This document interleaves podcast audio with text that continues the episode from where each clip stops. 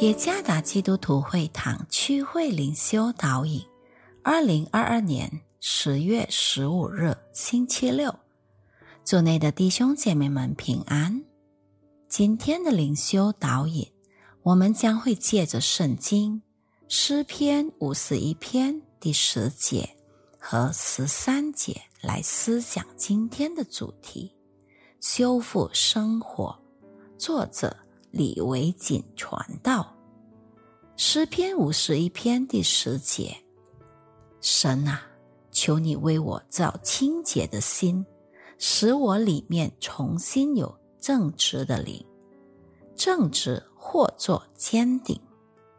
第十三节，我就把你的道指教有过犯的人，罪人必归顺你。一对农民正在田里播种水稻种子，妻子突然一不小心被稻田的水溅到脸上。由于稻田的泥巴，脸看起来很脏。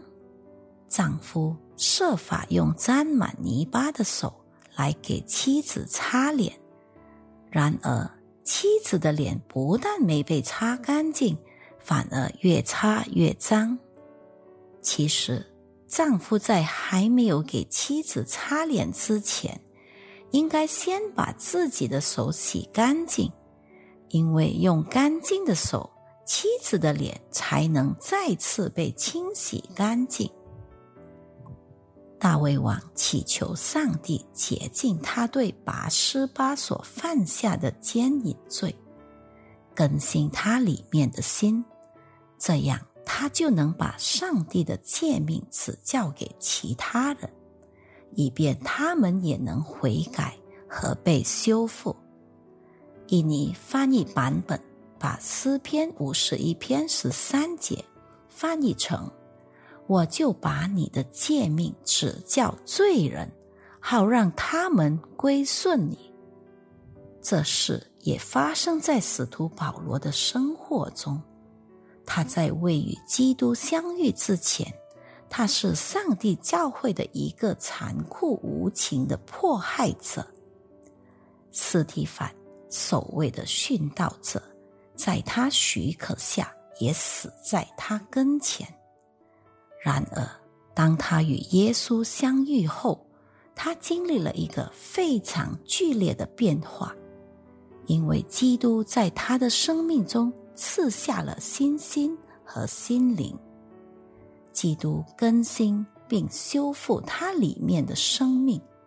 借着使徒保罗活着是为了侍奉上帝，成为多人的祝福，改变了许多不认识耶稣的人的生活，甚至他在圣灵所漠视下所写下的那些书信。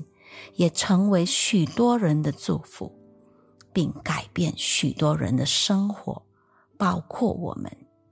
使徒保罗的生活为修复而被修复，我们也不例外。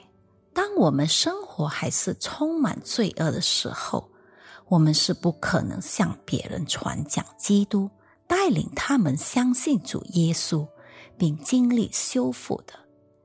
通过接受主耶稣为我们个人的救主，我们将经历生命的更新，然后他会赐予我们一颗新心，改变我们的生活，改变我们旧的观点、品格和生活态度，并在基督里成为新的。这样，我们就可以把基督讲述给那些仍然生活在黑暗里的人。他们也能在上帝里尽力修复心心和心灵，不仅只展现在个人身上，而且还会对周围环境产生影响。拥有来自上帝的心心与心灵，为要修复我们周围人的生活。愿上帝赐福于大家。